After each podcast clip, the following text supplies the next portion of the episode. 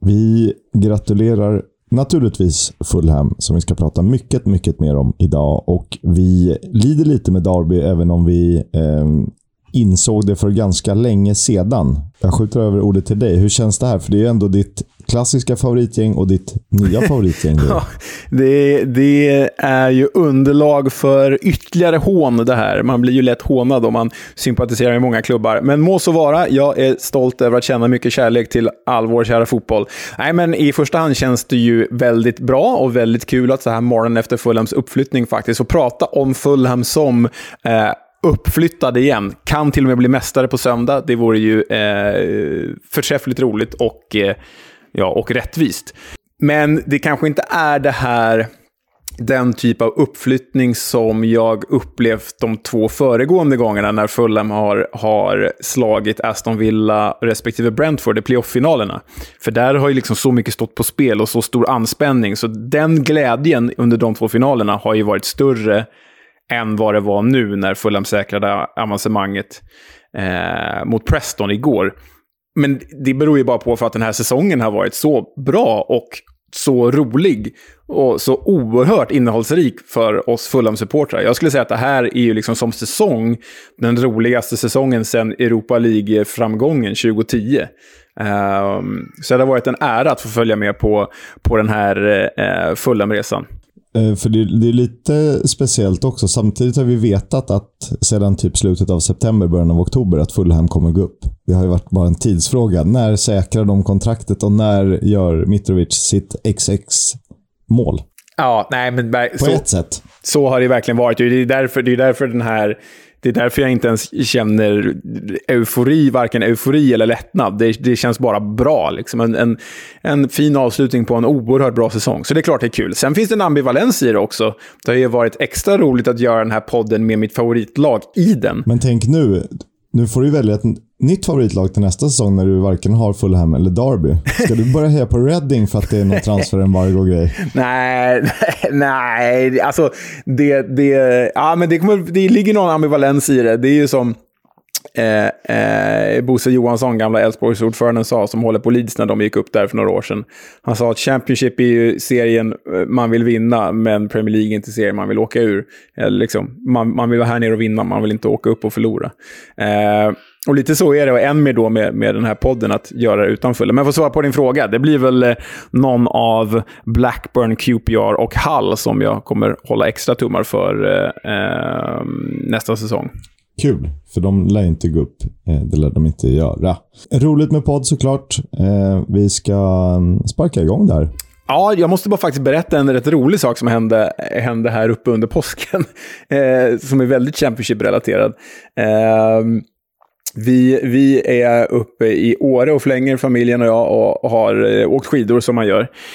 Och det, det, det, blir en lite lång berättelse för, för en liten poäng kanske, men det får, ni, det får både du och våra kära lyssnare ta, och är det helt värdelöst så får Kevin klippa bort det. Men eh, det var liksom bevis på, jag tror det var i, i söndags, bevis på, eller i måndags, eh, eh, bevis på hur små, små tillfälligheter kan leda en till en särskild händelse. För vi är här uppe med två små barn, då, en treåring och en tio månaders bebis. Och det, det, vet ju du som eh, eh, har haft små barn, att eh, det tar ju tid att komma ut, vad man än ska göra. Så det tar ju lång tid att komma ut. Så istället för att komma ut vid typ nio på morgonen som vi hade tänkt i spåret, så kom vi ut vid typ kvart i elva. Och då är det ju snart lunch ju. Då är det snart lunch, precis.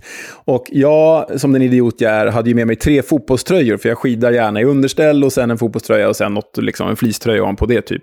Och då valde jag mellan Queens Park Rangers, Norwich och Villarreal. De tre hade jag med mig. Och så bara, ah, ah men idag känns som en Queens Park Rangers-dag. Jag tar QPR-tröjan. Men eh, har då en fleecetröja ovanpå. Vi kommer ut i spåret.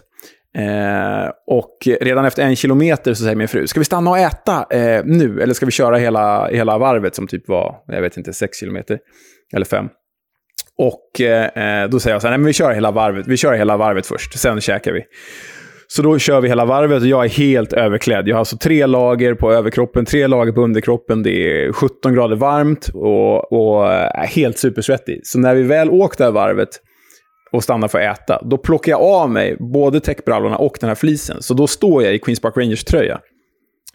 Eh, och sen helt plötsligt, när vi bara varit där i fem minuter, allt det här vi har gjort har, gjort att, har ju lett fram till att vi äter en alldeles för sen lunch och jag är i en svettig Queens Park Rangers-tröja mitt ute i, i, i, ett snöspår. Liksom. Och precis när jag tagit av mig den här tröjan då, så hör jag bakom mig “Can I take a picture?” och, och jag bara uh, sure, så här, visste inte vad han ville. Vill han ta kort på mig och min familj? Vill han hjälpa oss att ta ett kort? Vad vill han för något? Så kommer fram en man i 45-årsåldern och hans fru. Han är engelsman, hon är svensk. Och han bara, I can't believe it. It's the first time I'm going skiing and there's a QPR supporter here. I love QPR. QPR's my team. Nej, vad fett. Så av, av, på alla ställen på jorden eh, i skidspåret så råkar du välja QPR-tröjan och råkar vara för varmt klädd. Och där åker av och då står det en QPR-supporter. En superhoop. Ja, han kom ju precis efter oss till det där matstället. Och, och jag, han bara, ja du han blir så glad över att se en annan QPR-supporter. Så jag hade ju, det är det som är ett extra twist på den här storyn då. Jag hade ju inte hjärta att säga till honom att jag håller på QPRs värsta fiende Fulham. så jag stod ju och ljög skiten ur honom. Jag bara, yeah, QPR is my favorite team, I love them, seen them so many times. Oh. Men det, det är ju också en liten sanning och modifikation, för jag känner ju inte alls den rivaliteten mellan Fulham och QPR som han då säkerligen gör. Utan jag gillar ju QPR, det är ju snudd på mitt andra lag i England. Men jag hade inte... Det hade varit roligt om han, han dragit någon så här som italienarna gör om Juventus, fast om Fulham i Championship. Att eh, de fuskar, de får alla domslut med sig. det, det är calciopoli på engelsk nivå. Eh, det hade du fått eh, en tuff nöt att knäcka. Ja, det har fått en tuff nöt att knäcka. Men vi, vi, vi, vi stod och snackade ett tag och eh, jag berättade att jag var sportjournalist. Jag berättade till och med om den här podden. Så jag hoppas inte att han lyssnar. Och om han lyssnar, if you're listening, I just gotta apologize. Uh, I didn't mean to lie. I just found it so terribly funny to, to find a QPR man when I, when I was wearing a QPR shirt. So I'm sorry and thank you and I don't know. Vi ber om ursäkt till Mark, som han med 99% säkerhet hette. Verkligen.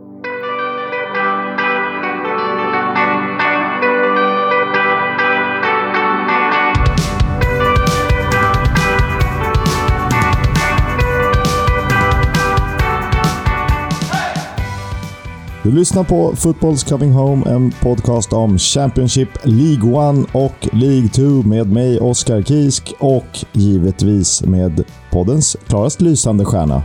Brian McBride. Nej, Leonard Järvsjö Welander här idag. Poddens Joe Bryan. Uh, Joe Bryan, bänkvänsterbacken alltså. Tack, tack för den beskrivningen. Är du för lång för att vara vänsterback? Ja, verkligen. Vi har ju eh, sanslöst många matcher att avhandla. Det har vi typ varannan, var tredje vecka. Men 24 stycken till antalet, om jag räknat rätt. Ja, det stämmer. Vi kan väl bara eh, köra igång med långfredans händelser. Det var ju full sula redan där. Och vi börjar med den stora händelsen egentligen. Luton besegrade Nottingham med 1-0.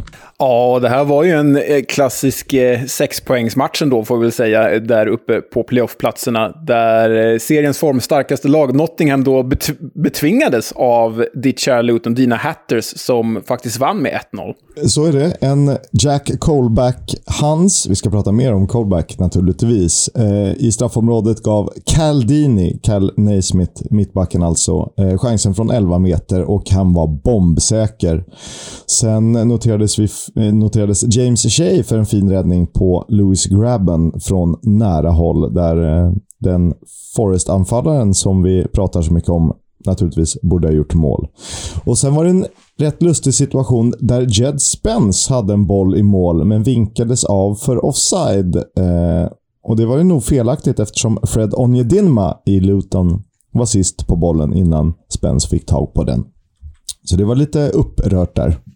Ja, det blev ju lite eh, kontroversiellt och det, det var ju inte den enda kontroversiella händelsen i den här matchen. För eh, vår gamla IK Frej-kompis Sonny Bradley i Luton, han fick ju syna det röda kortet när han dragit omkull eh, Sam Surridge Eh, eh, i Nottingham. Och det speciella med det var ju att Surridge faktiskt kom från offside, så man kan ju verkligen diskutera om det ens skulle varit ett kort överhuvudtaget. I fotboll gör två fel inte ett rätt. Eh, minus minus blir ju inte plus, eh, även om domare kanske tänker så. Eh, skämt åsido, eh, det jämnar väl ut sig på sikt, eh, men ändå imponerande av Luton att ha det här, för vilket var Forests första förlust efter tio raka utan och de hade också fem raka segrar innan den här matchen.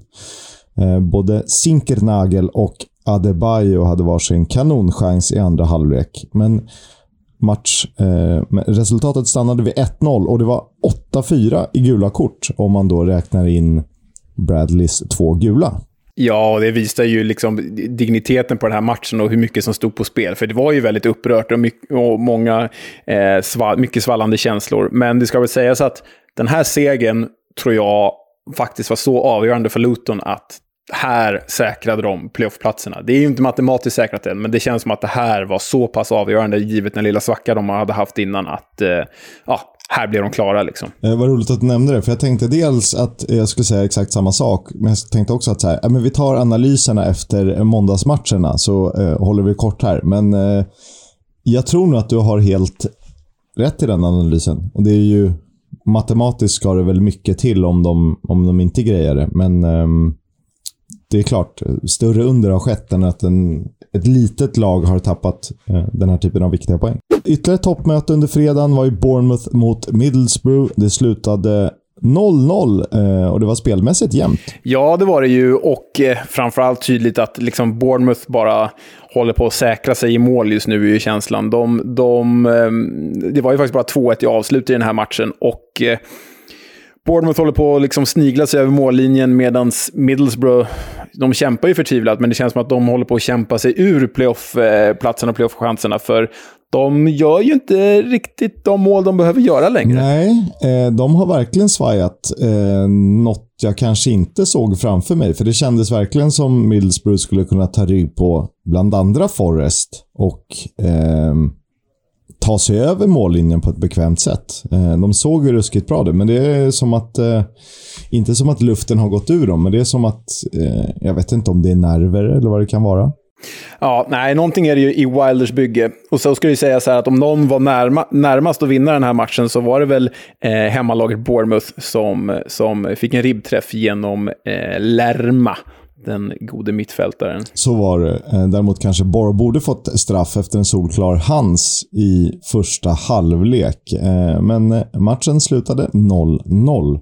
Birmingham Coventry 2-4. Det här är ju en match man eh, ångrar att man inte var på plats och såg i ett riktigt målkalas på St. Andrews. Ja, dessutom ett rivalmöte. De är ju lite av antagonister här. Visst, det är liksom inte Birmingham Aston Villa, men eh, Coventry tvålar gärna dit sina Birmingham-grannar när de får chansen. Det är ju dessutom på arenan där de eh, tvingades spela ett par säsonger också. Så eh, fin Victoria för Coventry som trycker Birmingham och Lee Boyer ännu längre ner i skiten. Det var det, men det var ju ett, eh, ett rejält fall för Birmingham som gjorde 1-0 rätt tidigt genom Christian Pedersen. Gary Gardner ute utökade dessutom i 39 Men i paus stod det 2-2 för eh, Ben Chief hade lyckats göra sitt första och andra mål för säsongen. Även Christian Petersen gjorde sitt första mål under 2021-2022. Så det var alltså 2-2 i paus och sen kunde Coventry visa att de är numret större. Ja, och eh, Eh, jag vet inte, vi skulle spara analyserna till, till eh, måndagsmatcherna. Så eh, ja, nej, men oerhört eh, imponerande av, av Coventry som faktiskt eh, befäste sin position som något slags lag med häng på playoffet. Hade det funnits ett till playoff för lagen som nästan är där bara för att spela några roliga matcher på Wembley, då hade jag definitivt eh, tagit ut Coventry. Ja, men Europa Conference League för andra divisionslag hade ju Coventry kvalificerat sig för. Exakt så. Det hade varit eh, ja, jätteroligt att se. Ja, fy fan. Vilken dröm. Helt plötsligt ska eh, Brage QPR. Helt underbart. På Domnarsvallen. Det här borde vi lansera. Jag, jag, jag, jag brinner för det direkt känner jag. Europa Conference League 2. Exakt. Eh, tre av fyra Coventry-mål kom i samband med fasta situationer, ska också tilläggas. De har ju några fina fötter. Såklart de gjorde. Såklart de gjorde. Men de är inte bäst på fasta i Championship. Det ska vi prata mer om lite senare. Och så ett eh, menlöst möte i mitten av, eller nedre mitten, men på säker mark. Där vi fick en, se en premiärmålskytt. En till ytterligare en. Hull Cardiff 2-1. Mm. Och eh, det var ju mannen, iranien med det härliga namnet och med reservation för alla möjliga uttal här, men Alhayar Sayadaman... Helvete, jag trodde jag skulle kunna sätta den. Frankisk. Alhayar Sa Sayadmanesh. Alhayar Saladmanesh. Nej, för fan, det där går inte bra. Alhayar Sayadmanesh. Iransk anfallare i Hall som, som eh, gav hemmalaget ledningen efter blott åtta minuter. På lån från Fenerbahce är han ju. Gissar att det finns... Eh, han är inte den första, eller han är väl en av de första, och, men inte den sista som har koppling till turkiska Super League. Eh, sen gjorde Louis Coyle, Coyle, Cole han heter inte Cole, han heter Coyle. det blir jävligt svårt ja. det här segmentet. Nej, det blir ingen mer podd, för vi kan inte uttala namn. Skämt åsido, han utökade till eh, 2-0 redan i den elfte minuten och eh, Cardiff hade inte så mycket att säga emot, även om de höjde sig i andra halvlek. Till slut fick de in reduceringen genom Aiden Flint, men inte mer än ett otroligt starkt nickmål. Nej, och sen är det lite kul då att eh, Halls hemmaform har ju svikit rejält eh, sen Shotar Arveladze tog över som tränare. Sex raka förluster eh, på hemmaplan. Det innebar att man istället valde att spela i bortastället, vidskepliga som de uppenbarligen är. Och det gav ju faktiskt effekt, så nu kanske de gör om bortastället till hemmaställ. Det får vi se. Du, det kan, eh, det kan hända mycket under Akon Ilicali. Och eh, ett lag som har stått för en relativt imponerande förvandling eh, som vi eh, sågade rejält som seriens absolut sämsta lag och, och så vidare och så vidare. Det är ju faktiskt eh, Peterborough. De besegrade ett Blackburn i eh, totalt fall med 2-1. Ja, man trodde ju inte för en och en halv månad sedan att vi skulle sitta här och Peterborough skulle vara det lag med troligast häng på, på Reading eh, under strecket. Eh, så nej, det, det, det, har ju verkligen hänt något där. Och då skulle det sägas att de därtill vände underläge. De låg alltså under med 0-1 med ja, dryga tio minuter kvar då eh, mot, mot eh, eh Blackburn. Men Sammy Smodic och Jack Marriott, och framförallt Jack Marriott verkar ha skjutits till liv efter tränarbytet här i Peterborough. Så Porsche, det ser väl inte troligt ut, men de lever faktiskt. Det här var faktiskt Ben Brereton Diaz första mål under 2022 och han hade kunnat göra det redan eh, tidigare i matchen. Då blev han avvinkad för någon form av knuff i straffområdet. Och Det ska ju sägas också att Blackburn spelade mer än halva matchen med en man mindre eftersom Tayo Edon hade blivit utvisad. Preston North End, Millwall 1-1 och det här var Wallace show. It's all about Wallace. Ja, för eh, Millwalls Murray Wallace, han gjorde ju självmål i den sjätte minuten, alltså 1-0 till Preston North End. Sen kvitterade Murray Wallace i den 22 minuten, spelade 1-1 med sig själv alltså, och då förstås assisterad av Jed Wallace. Vem annars? Ja, och matchens höjdpunkt eh, hade inget med Wallace att göra när nye Kasper Schmeichel, vi måste väl ändå säga så, Daniel Iversen, gör en eh, vi har pratat om det här förut, att han gör såna helt galna räddningar. Han gör alltså en trippelräddning. Afobe, Jed Wallace och McNamara blir alla stoppade. Det är ju en... Ehm, det här och en helt sjuk räddning i, i, uppe i krysset eh, får ju mig att börja fundera på om han ska in i säsongens lag. Ja, det, är, det finns ju andra gubbar där som kanske är favoriter i det. Kanske framförallt Lee Nichols i Huddersfield. Men, men Iversen är ju är nog inte fel att säga att han är precis där bakom rent kvalitetsmässigt och prestationsmässigt. Men sen också att han tillsammans med Nottinghams Brissamba är kanske seriens mest spektakulära målvakt, fast i mer positiva ordalag än vad det gäller Samba. Ja, jag tycker inte att han har de här riktiga hålen som Samba har stundtals, där man undrar hur han tänkte, eller hur han agerade. Exakt. Det ska också tilläggas att Bjalkowski eh, i Millwall-målet, också en eh, väldigt skicklig målvakt. Eh, han var med på noterna när det behövdes. Gjorde sitt jobb i den här matchen. 5-7 i avslut på mål, men Preston North End hade bollinnehavet. Vi måste ändå kalla det här för omgångens skräll, eller fredag, långfredagens skräll, när Sheffield United spelade 1-2 mot Reading.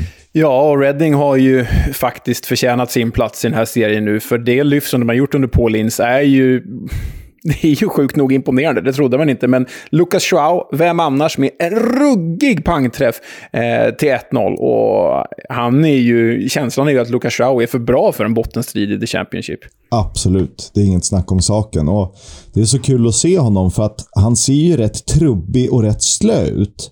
Men när han växlar upp så är det ju inte så många backar som hänger med ändå. Nej, nej, han är ju... Han är ju också, kom ju också till Reading en annan tid. Han värvades ju till ett Reading som hade liksom ambitioner på att liksom studsa tillbaka upp i Premier League. Så han är ju en Premier League-jagande anfallare i ett eh, League One-flyende lag. Lite så är det ju. Och den här segern eh, ska ju visa sig bli väldigt viktig för Reading, eller kommer ju förmodligen bli det. Eh, jag räknar ju inte med att de faller samman helt eftersom de nu ändå har liksom träffat plankan, som man säger.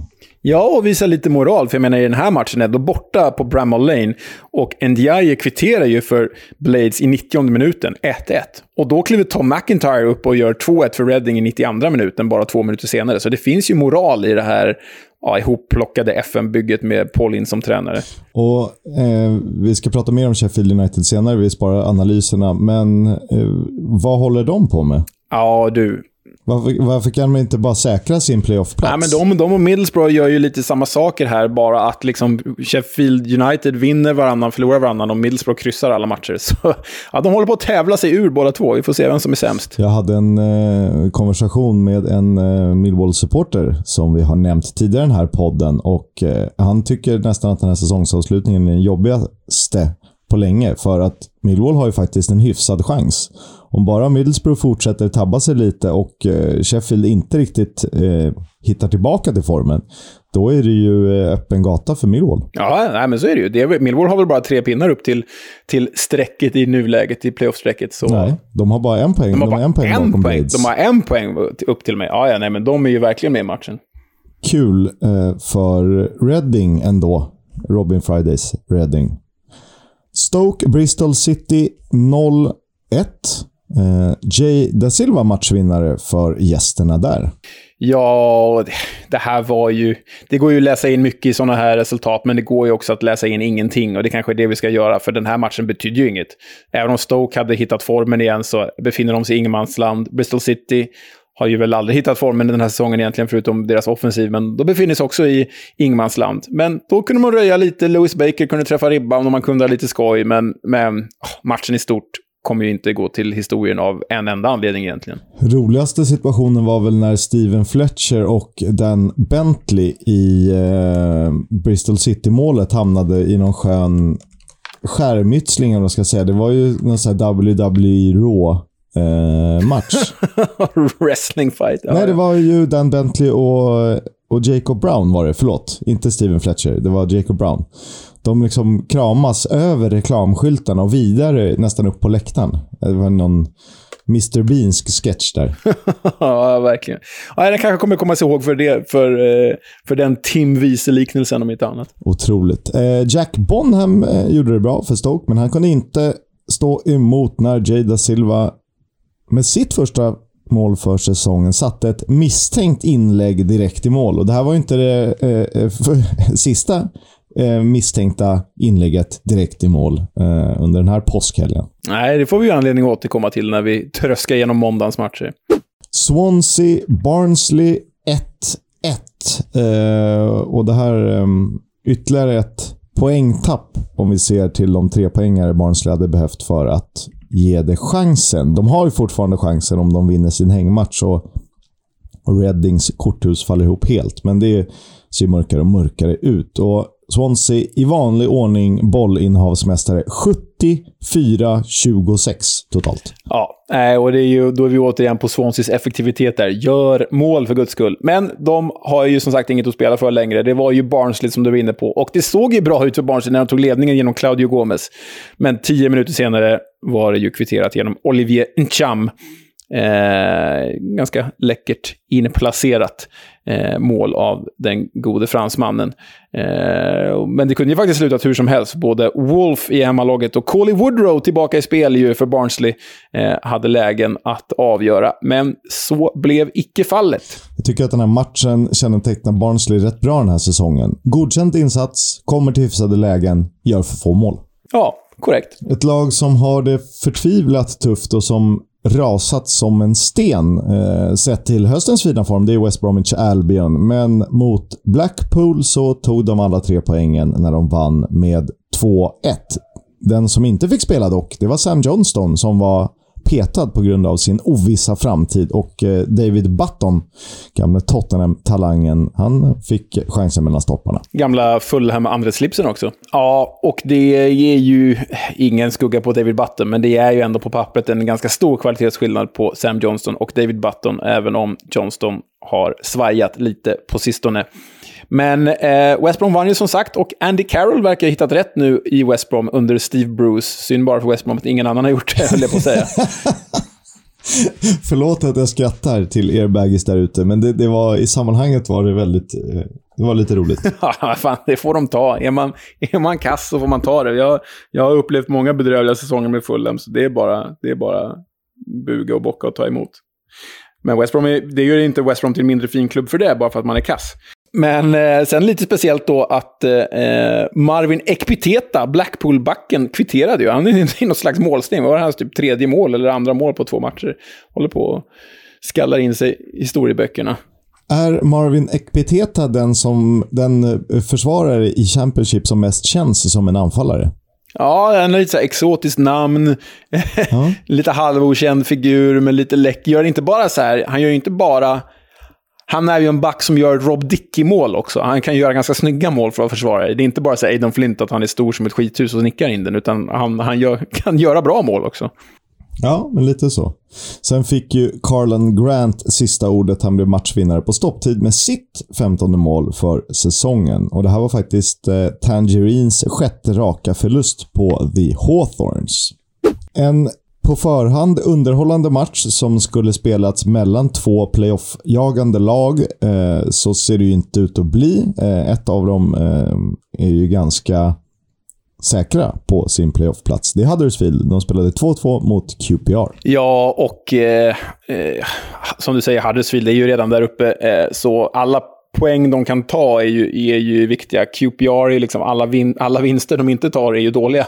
Men det ska ändå sägas att det här är en stark poäng av QPR. De gav sig själva lite, lite hopp igen. Självförtroende ändå. Pinne borta, borta mot eh, Huddersfield är ju fint. Och dessutom en väldigt händelserik tillställning. Jag menar, fyra mål inom, inom första timmen av matchen. Det är ju, det är ju starkt. Där QPR faktiskt kvitterar två gånger också. Exakt, och det ska ju sägas att Eh, QPR kom till den här matchen med fem raka förluster. Så att eh, gå från det till en tuff bortamatch mot ett formstarkt lag och eh, ta en poäng, det är ändå bra. Ilias Shair, poddfavoriten, räddade poängen. Eh, annars var det ju tre QPR-mål. Johan Barbé, egen kasse. Luke Amos. Sen var det Harry Toffolo för Huddersfield och nämnde Shair alltså.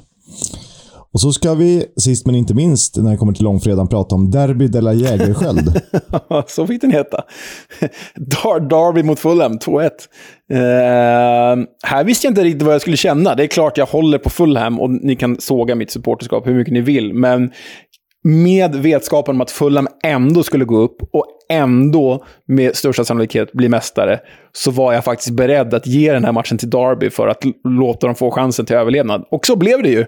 För även om Fulham tog ledningen genom Fabio Carvalho, denna guldklimp till underbarn och förrädare, eh, så vände ju Derby på steken. Luke Blanche kvitterade i den andra halvleken och Tosin Adarabioyo stod för ytterligare ett självmål. Så mm, oerhört stark seger av Derby får man ju säga, mot ett förvisso ganska blekt Fulham.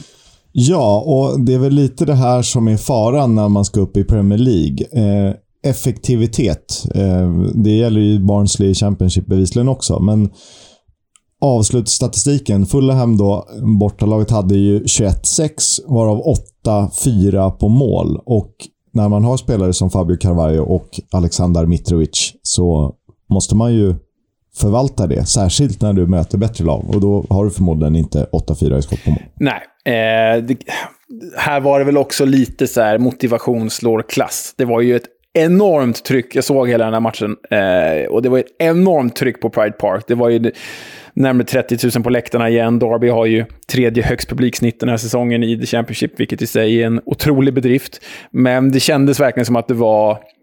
Derby gav sig själva den sista möjliga chansen, både som kollektiv och supportrar. Och, och, och det mäktade väl Fulham inte mer då, för framförallt var det andra halvlek som Fulham gick ner sig. Ändå fint att få avsluta i sin sista hemmamatch för säsongen med att besegra den överlägsna giganten i Championship den här säsongen. Det är lite råg i ryggen inför nästa säsong och ändå ett kvitto på att eh, man har gjort vad man har kunnat, givet förutsättningarna. Ja, verkligen. Det, ingen kan ta ifrån Darby att de inte har gjort vad de har kunnat. Det, det är nog de som har gjort... De har nog gjort mest av vad alla har kunnat, sett i förutsättningar. De hade ju varit på 17 plats om det inte vore för poängavdraget. Jag vet att vi har tjatat om det, men givet den tunna truppen och en eh, Tom, Tom Lawrence som är mer avstängd än vad han spelar och skadad däremellan och i övrigt många unga talanger så är det ju starkt, såklart. Nu djupdyker vi lite i måndagsmatcherna annandag påsk för er som undrar. Och här får vi tid att analysera och titta till tabellen eftersom den står efter den här omgången. Eh, Middlesbrough Huddersfield 0-2. Wow! Äh, ruskigt starkt av Huddersfield. De har ju hittat, Corbrans gäng har hittat formen ånyo och Nabisar gör mål igen. Den gamle Lyon-talangen satte ju 1-0 precis före paus på Riverside trots att Borough styrde spelet. Men de är ju ineffektiva och Huddersfield är effektiva och därför vann ju Huddersfield den här matchen. Lite så är det. Eh, 68-32 i bollinnehav för Middlesbrough, men 7-2 i skott på mål för Huddersfield visar ju att deras omställningar är kanske bäst i serien då. Dessutom är de ju vassast på fasta situationer. Det var en Sorbat Thomas frispark som hittade Jordan Rhodes. Eh, som i sin tur nickade fram Nabisar. Och sen fick ju Rhodes sätta 2-0 med en behärskad fullträff på en kontring. Och sen då, som vi varit inne på, Borough nu fyra raka matcher utan seger. Det är så dåligt läge det här alltså. För eh, Borough är ju till trupp, som vi varit inne på sen säsongstart, en av favoriterna att nå playoff. Sett till klubb ska de ju verkligen nå playoff. Så ja, det, det här är... Ja jobbigt att hålla på Borough i det här läget, vilket inte så många verkar göra sett till våra, vår följarskara på sociala medier. Men, men nej, ruskigt trist läge för Middlesbrough. Huddersfield däremot, ja, wow. Det blir väl de mot Nottingham i en playoff-final till slut. Så blir det. Eh, Huddersfield har ju bara, de behöver ju bara ta en poäng till för att säkra en plats i playoff. Eh, de har väl en minimal chans att nå en direktplats, men då ska ju Bournemouth klappa ihop fullständigt. Yes bottenmöte med stort B och vi börjar med ett, eh, ett stort B också. Barnsley Peterborough 0-2 och eh, det här vände ju på steken och gav Peterborough ett sista hopp och förmodligen ryckte det mattan under fötterna på Barnsley. Ja, men nu blev det ju sorg i Barnsley igen. Alltså man har Peterborough hemma i ett sånt här avgörande läge och så förlorar man med 2-0. Alltså det får ju inte ske när Barnsley ändå ryckte upp sig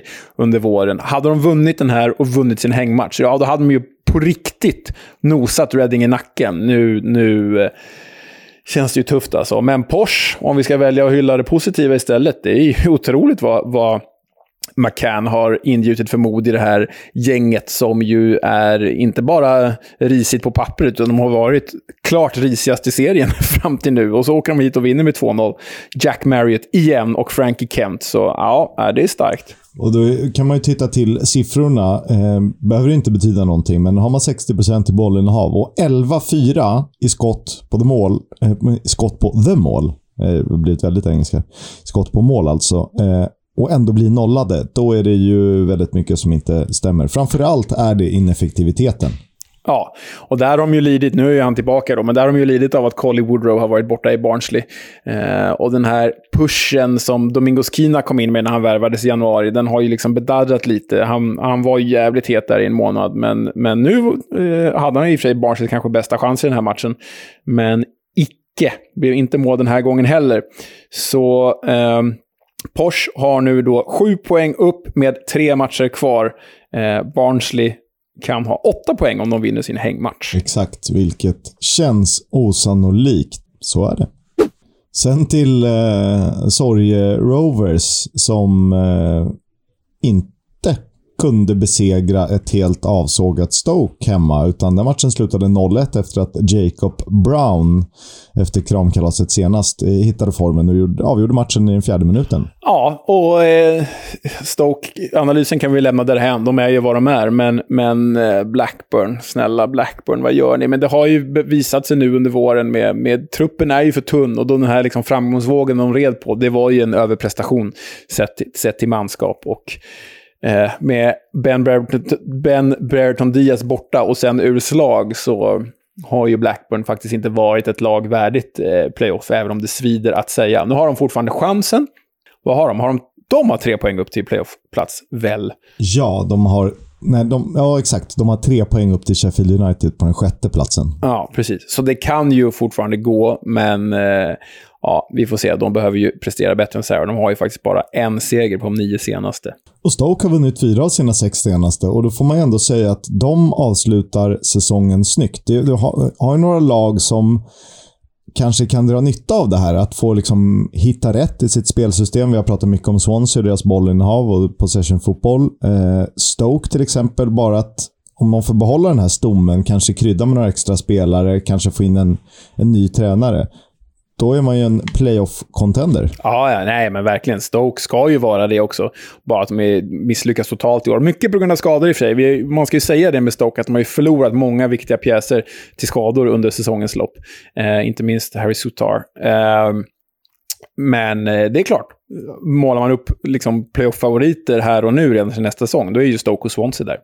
Det vill man ju... Eh, Swansea såklart. Eh, Sam Gallagher hade ett par bra lägen. Eh, när Blackburn dominerade skottstatistiken, men Jack Bonham var med och dessutom var ribban i vägen. Vi måste nästan andas lite innan vi lyfter den stora smällkaramellen från eh, den gångna veckan. Och Det var ju faktiskt Blackpool Birmingham inte mindre än sju mål gjordes. Birmingham gjorde bara ett av dem. Och eh, Blackpool gjorde ju sex. Eh, det här, jag vet att man ska hylla Blackpool som är fantastisk som nykomling och så, men om jag vill bara vända och, och titta på det negativa. Det här ska inte hända en klubb som Birmingham. Det här ska inte hända ett manskap som Birmingham. Birmingham åker ju alltså ur om det inte vore för Darbys och eh, Reddings minuspoäng. Eh, inte matematiskt klart, men med stor sannolikhet så hamnar ju Birmingham under eh, nedflyttningsstrecket om man tar bort minuspoängen. Och jag vet att tabeller inte fungerar så, men det är ju en indikation och en fingervisning om att det är någonting som står jävligt fel till i den här ganska stora klubben. Birmingham är ett lag i fritt fall, en klubb i kaos och de behöver göra någonting till nästa säsong för att inte sluta i League One. Det behöver de. Eh, Lee Boyer sa efter den här matchen att “This was my worst day in football” och erbjöd sig faktiskt att ta ett kliv åt sidan om det var så att eh, ägarna och styrelsen inte var nöjda med hans arbete. Och Det är rätt intressant. 9-6 i skott på mål slutar ändå 6-1. Då är det ju dels ett väldigt effektivt Tangerines, eh, som dessutom hann med att både träffa ribban och stolpen mot ett eh, uppgivet Birmingham. Ja, nej, men det finns ju ingenting där. Det finns, det finns ju kvalitet på pappret. Neil Etheridge och Troy Deeney och allt vad de heter. Men ja, det, det, det är bara helt... Det är som ett... Eh, depraverat, desillusionerat luftslott. Det är, det, ja, det är deppigt att se faktiskt. Jake Beasley gjorde två mål.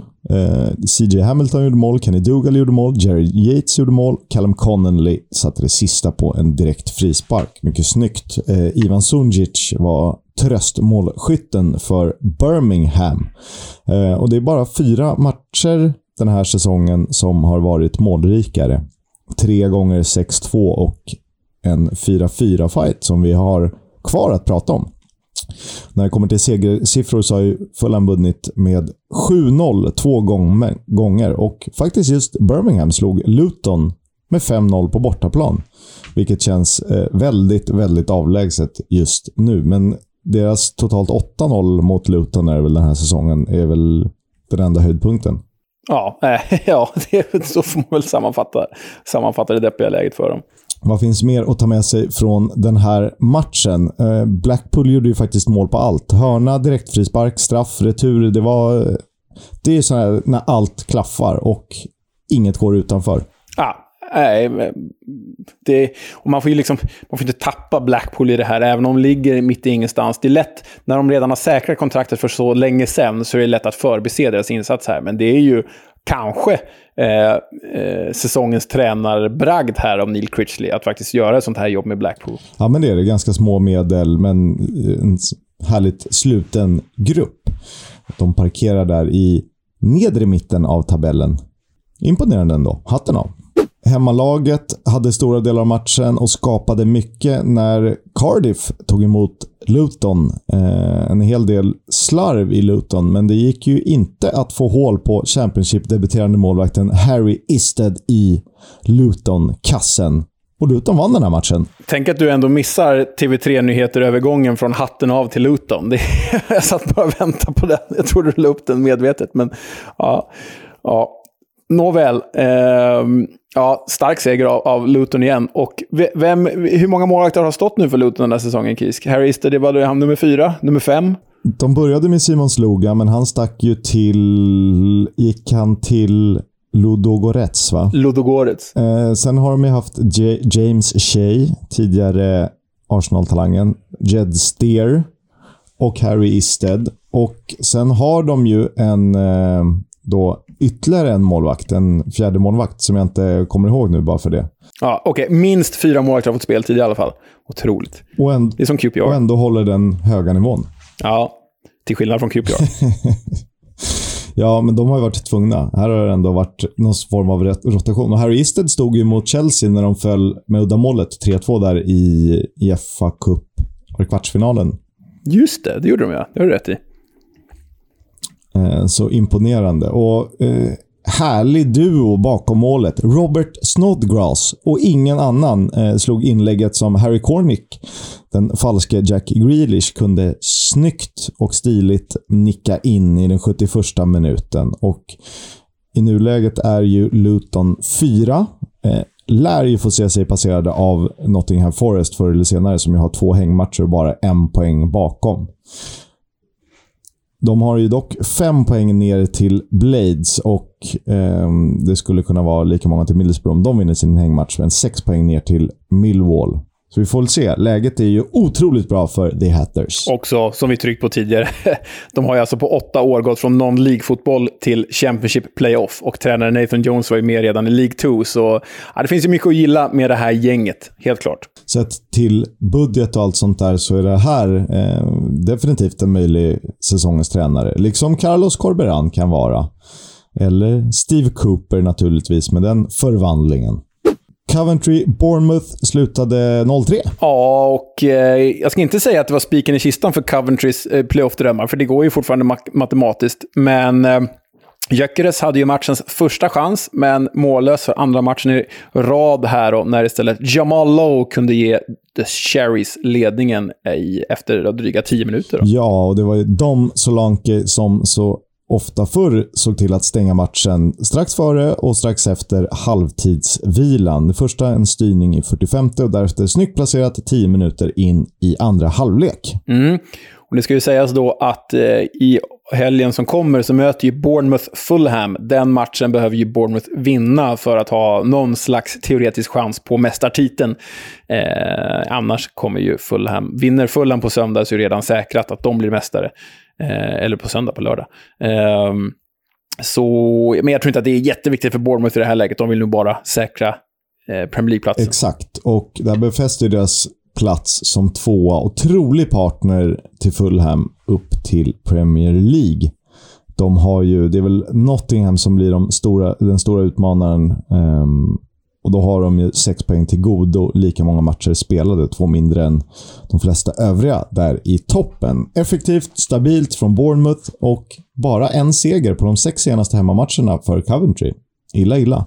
Mm. De behöv, hade de behövt göra bättre om de hade velat nå playoff. Det hade de definitivt behövt göra. Och så pratar vi såklart om Millwall som slog Hull med 2-1. Ja, det var ett rätt roligt ledningsmål för hemmalaget av Scott Malone. Eh, den gamla Derby och Fulham-vänsterbacken.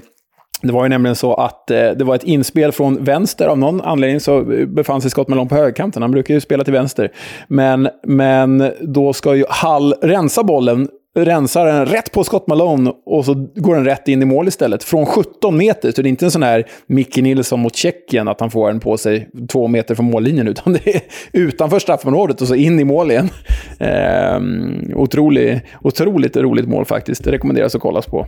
Det var Bury som eh, dribblade längs vänsterkanten och hittade till Scott Malone. Eh, även om det inte blev någon assist, för det får ju en halvförsvarare tillskrivas. Nathan Baxter chanslös på den. Han har gjort det bra i övrigt. Eh, sen ett snyggt eh, 2-0 mål där en, en långboll från eget försvar skarvades av Afobe till Tom Bradshaw som var bombsäker. 2-0 alltså. Det kom ju en reducering sent om sidor från Tom Eves i Hall, men eh, Millwall, som ju ändå ger den här playoff-drömmen en sista liten chans, tog alla tre poäng. Hemma på Fortet, det den. Där är man ju bland de bästa i ligan. Det är väl bara Fulham som kan konkurrera med hemmaform. Ja, oh, nej. Millwall. Vilket ös om de hamnar på playoffplatsen alltså. Ja, men det är ju, och nu får vi ju tid att analysera. Tänk en playoff-fyra med Huddersfield, Luton, Millwall och Nottingham. Ja, äh, det vore ju... Då har man ju tre lag som spelar underhållande fotboll och man har ja, tre klubbar med ordentligt jäkla ös också. Så nej, det, det vore ju en oerhört läcker kvartett. Man är ju lite trött på Sheffield United och Middlesbrough. De kan man liksom, om vi ska prata lite sympatier här, de behöver inte hamna på playoff för mig. Men hamnar man med de du nämnde, eller Blackburn eller QPR där, då känns det rejält roligt. Det känns ju som Huddersfield och Nottingham är favoriter givet form och, och över hela säsongen. Någon slags jämn eh, till en playoff-final om det nu blir så. Men tänk Luton-Millwall playoff-final. Det, det, kommer ja. inte att gå. Det kommer inte att gå. nej, nej, det, kommer det tomma läktare. Ja, och känslan är ju där också, med, med, både med Luton och Millwall, om det skulle bli playoff för respektive, att båda skulle kanske inte kunna bli en Barnsley, men skulle kunna bli en Swansea. Att säga, ah, vi spelar playoff-semifinal och så säsongen efter slutar vi på 17 plats. Eh, de har ju lite av den i sig, tyvärr, ändå. Men eh, roligt att de ger det chansen, det tycker vi såklart. Derby är ute ur Championship vi har pratat om det länge nu, men det blev klart i måndags när QPR vann med 1-0 på Loftus Road. Ja, det var ju inte orättvist, för QPR var ju... Om något lag var bättre i den här matchen så var QPR bättre. Men det som var lite märkligt var att när Derby verkligen växlade upp och jagade ledningsmålet och faktiskt hade fler chanser de sista tio minuterna, sista kvarten. Det var då QPR gjorde mål, genom Luke Amos som gjorde mål för andra matchen i rad. Um, så just där och då, i den isolerade delen av matchen, var det lite märkligt. Men sett till, sett till helheten så var det ju inte så konstigt. Um, det var ju lite typiskt för Derby också, för de har ju alltså precis före målet en omställning där Luke Planche, om han bara lyckas med sin skarv, så kommer de ju två mot en. Uh, och för ett bra läge att ta ledningen då. Men Luke Planche sätter den rätt på en QPR-försvarare. Och eh, sen vänder de på steken då och, och eh, avgör matchen. Så synd för Derby. Kul och viktigt för QPR som hakar på i, i, i playoffet nu. De har ju bara tre poäng upp till playoff. Men, ja, Derby, vad säger vi Kisk? Hur sammanfattar vi den här ändå otroliga säsongen av det här laget? En eh, hjälteartad insats och eh, Wayne Rooney har gjort vad han har kunnat. Eh, 17 plats om det inte vore för poängen där och det, är det som kanske är ännu tyngre är att man inte har kunnat förstärka där man vill. Sen visar det på att man har bra spelare i truppen och i liksom, ungdomsleden. Så vi får väl se vad de kan nyttja. För de, det är bara fem spelare som har kontrakt över nästa säsong. Och de är alltjämt under transferembargo, tills annat anges. Ja, exakt. Och vi har ju sagt det här tusen gånger och de flesta av er känner till det, men jag tycker det är värt att ta förutsättningarna igen. Alltså, konkursförvaltning under hela säsongen för Derby. Ingen tillgänglig ägare. Med en vecka kvar till Championship-premiären hade de 13 tillgängliga A-lagsspelare, varav tre var målvakter, varav två var långtidsskadade, varav en av de långtidsskadade var Christian Bjellik, som ja, liksom en av deras absolut bästa spelare. Eh, så riktigt usla förutsättningar, bara kunnat göra korttidslån och värva gratis spelare som inte ens platsade i Östersund, typ Revel Morrison. Eller satsa på sina ungdomar. Och har då under våren snittat typ sju spelare under 21 år i startelvan. Och ändå gav man det här en ärlig chans. Alla, inklusive vi, trodde att det här skulle vara över i december. De håller sig till tre matcher kvar. Det är Ja, otroligt häftigt. Det är jättebra och eh, Wayne Rooney fick ju vara med och träna med laget i, i brist på andra spelare. Och det är ju intressant att höra vad han... Han tog ett snack med supportrarna efter, eh, efter det här och de var ju inte särskilt nedstämda som man kan tro, för man har ju kunnat se det komma på långa vägar. Men vi, vi hör ändå vad han har att säga till sina kära fans. It's been very tough but we've tried our best, we've given everything we can. Um, it's unfortunate we've been relegated but now we'll plan to make sure this club comes back to... Yeah!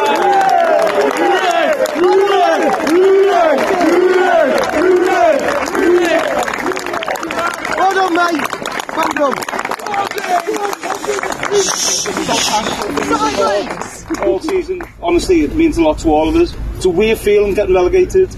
It's a weird feeling because I thought it'd hurt more. But I've said to the players, I'm proud of what these have done all season. Yeah. Yeah. yeah. Young local lads, which I think is important to the fans. Absolutely. We're trying to bring through and improve. Finns ändå någon samsyn där. Sen är ju frågan om han tränar Derby i början av nästa säsong. Nej, vi får se med nya ägaren som kommer in här också. Han amerikanen som jag tappat namnet på nu, han har ju varit på Derbys senaste matcher och också uttalat sig Chris Kirchner. Exakt, Chris Kirchner. Också uttalat sig väldigt positivt om den här klubben och att han ser fram emot det här projektet. Eh, vi får se hur mycket pengar han plöjer ner här. Men det ska ju sägas också att supportrarna har ju verkligen stått bakom sitt derby. Alltså tredje högst publiksnitt i hela The Championship, trots en hopplös säsong och usla förutsättningar. Och även här tog nu med nedflyttningen på ett bra sätt. Jag menar, de hyllar ju sina spelare. Det stod till och med och väntade utanför träningsanläggningen när de kom tillbaka till, till, till, till Derby. Så eh, ja, nej, det, spelarna är hjältar, Rooney är hjälte, supportrarna likaså. Och det var ju inga, eh, inga avgå-snack där, utan eh, de gjorde de, folk har gjort vad de har kunnat. Eh, allt från supportrar till spelare och tränare lika så.